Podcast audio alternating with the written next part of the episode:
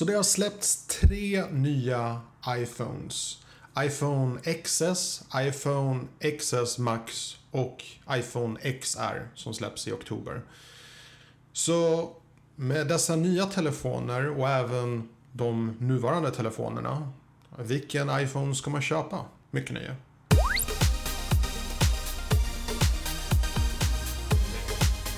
Hej och välkommen till Digitalrutan. Mitt namn är Tommy och idag ska vi prata om de nya iPhones. iPhone XS, XS Max och XR. XR släpps i oktober. XS och XS Max har precis släppts. Så om ni har lyckats förbeställa så har ni antagligen redan fått dem.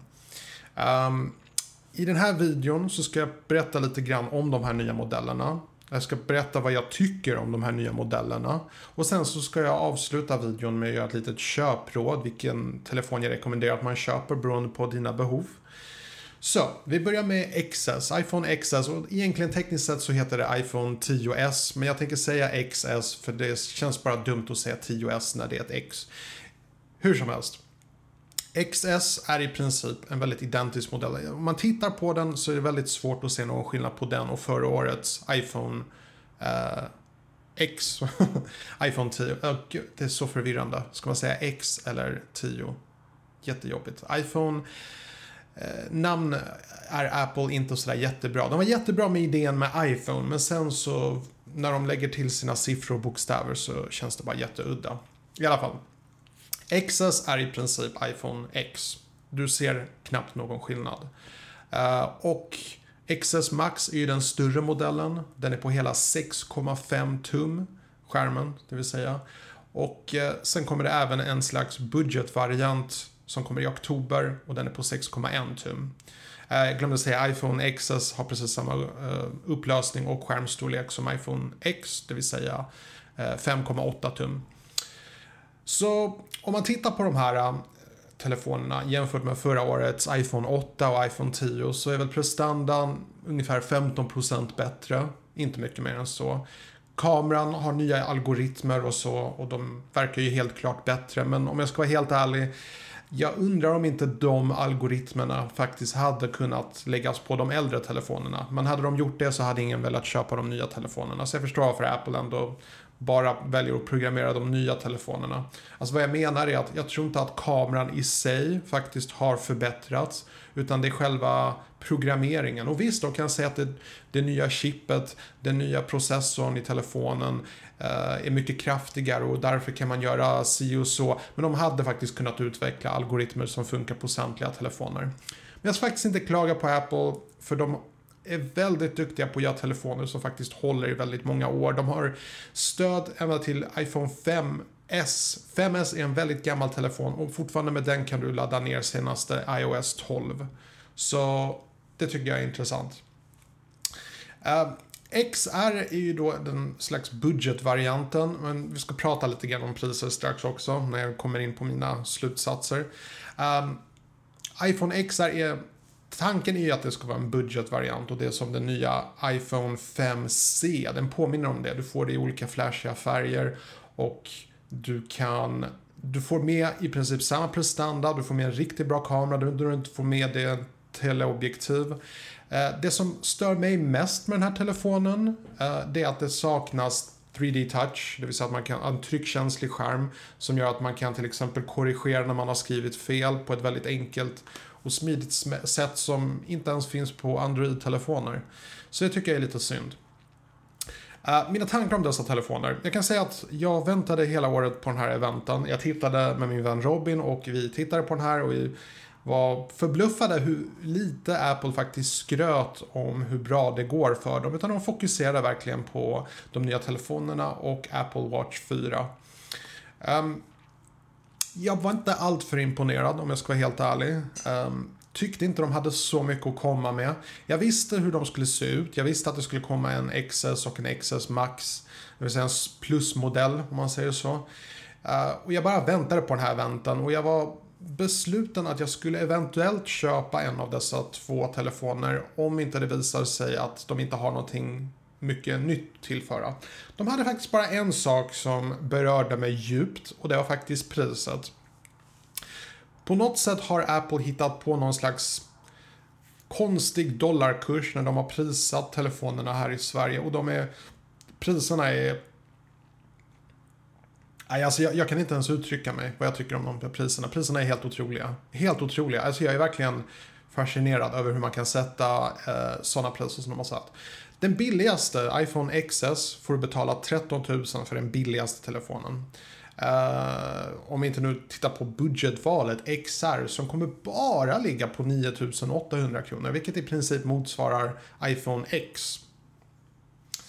Sen har vi XS Max och där är det riktigt weird. Om jag säger så här, om jag hade valt att köpa en av de här telefonerna så hade jag valt XS Max med 256 GB då hade jag behövt betala 16 000 kronor för en telefon. En telefon som vid det här laget nästa år kommer anses vara en gammal telefon. Jag tror inte det Apple. Inte den här gången. Jag tänker inte lägga ner pengar på en sån telefon. Så jag tänkte ungefär en dag efteråt. Um, och jag gjorde, tog beslutet att jag köpte en ny telefon. Men det blev inte en XS eller en XS Max, utan det blev faktiskt en iPhone 8 Plus med 256 GB. Den här köpte jag på Elgiganten för 9000 600 kronor. Vilket jämfört med de nya telefonerna är ett kap. Och om du kollar på prestanda så är den här 15% långsammare. Men om jag ska vara helt ärlig, de senaste åren så skulle jag säga att alla smartphones har blivit så pass snabba att det är knappt att man märker någon skillnad mellan de olika telefonerna. Så jag vet inte riktigt till vem jag kan rekommendera de här nya XS, XS Max och XR. Jag tror XR skulle jag nog rekommendera för de som är mer trendiga och vill så att säga se ut som att de har det senaste och flashigaste. Vilket är den här fula notchen här uppe. Och Face ID. XR är faktiskt, jag, jag är helt övertygad om att XR kommer sälja bättre än någon annan iPhone. Kanske i historien ens, vi får se. Men den kommer sälja riktigt bra tror jag iPhone XS kommer nog inte sälja alls speciellt bra för den har i princip ingenting att erbjuda mot iPhone 10. Ja, väldigt lite i alla fall. Den har en liten gimmick med eh, porträttläget då den kan, man kan justera bakgrundsskärpan. Men det tyckte inte jag var så speciellt intressant faktiskt om jag ska vara helt ärlig. Och jag tänker inte ens nämna animojis för det är för 12-åringar. 12-åringar som har råd med sådana här telefoner antar jag. Um, när det gäller priset, jag vill ändå vara tydlig med att säga att jag tror, jag tror inte Apple sätter för dyra priser i den mening att förra året när de släppte iPhone 10X, oh, ah, det här med namnen, jag blir så störd, jag vet inte riktigt vad jag ska säga. iPhone X, okej, okay? iPhone X, när den släpptes förra året så var folk chockade över priset för det kostade hela 10 000 kronor. Och det pushar upp priserna hos konkurrenterna. Eh, Samsung släppte Galaxy Note 9 för 10 000. Och det hade väl varit okej okay om vi hade legat där, men det verkar bara fortsätta. Och i år har vi höjt ribban ytterligare. Och Förra året så hade man kunnat säga att det är för dyrt, ingen kommer köpa den. Folk var övertygade att iPhone 10 var ett misslyckande och ingen kommer köpa den. Men den sålde bättre än någon annan telefon på marknaden. Det är inte jag, jag, jag, jag, tänker så här att hade jag ägt Apple och jag hade kunnat sätta ett högt pris och folk hade ändå köpt. Då hade jag satt det högre priset. Min poäng är att om vi köper, om vi betalar de här dyra priserna. Det är klart att Apple ska ta betalt för det. Är ni med hur jag tänker? Jag säger inte att det är okej okay att priserna är så höga. Jag säger att det som är fel, det är snarare att vi människor köper dessa dyrare telefoner. Så jag gjorde ett beslut. Jag kunde ha haft råd med att köpa XS Max. Det handlade inte om det. Jag bara tänkte, för de pengarna hade jag kunnat köpa en Panasonic eh, GH5. Jag hade kunnat köpa en ny Macbook. 15 000 ungefär är väldigt mycket pengar för en telefon. Speciellt med tanke på att eh, min iPhone 7 funkar fortfarande väldigt bra och den säljs fortfarande och jag kan verkligen rekommendera den här. Jag kan till och med rekommendera iPhone 6S som också är väldigt prisvärd. Plus att du får med uh, ja, headphone jack som är ett stort plus för vissa människor. Så när det gäller att rekommendera telefoner, jag säger så här, ska du ha en riktigt bra kamera, riktigt bra prestanda så skulle jag råda dig till att titta på iPhone 8 Plus. Mitt främsta problem med X, XS och XS Max det är det att de har Face ID och ingen Touch ID. Och de gör den här bättre och bättre. Nu har de släppt andra generationens Face ID. Den är snabbare, den är fortfarande lika, inte lika snabb som Touch ID, men det kommer så småningom bli det. Men det kommer aldrig bli bättre. Vilket är min poäng. Jag ser inte hur Face ID... Alltså, jag hade kunnat vänja mig. Jag hade kunnat köpa en X, en XS, en XS Max och jag hade kunnat vänja mig vid att ha Face ID. Absolut. Men varför ska jag uppoffra någonting som funkar så smidigt som att bara trycka med tummen för att låsa upp? Varför är det här någonting jag kommer behöva göra? Alltså det, jag ser liksom inte poängen att behöva vänja mig med en krångligare upplåsningsmetod. Jag kan låsa upp min telefon i fickan, i mörkret, var jag än vill. Jag behöver inte tänka på solljus. Det enda jag behöver tänka på är i princip att min, min tumme ska vara hyfsat ren. Är den inte ren så kan jag använda lillfingret som jag också har registrerat. Den andra saken som stör mig med iPhone X, XS och XS Max är den här fula notchen överst. Och den behövs för att du måste ha en kamera och du måste ha den här eh, Face ID-enheten som i princip registrerar ditt ansikte.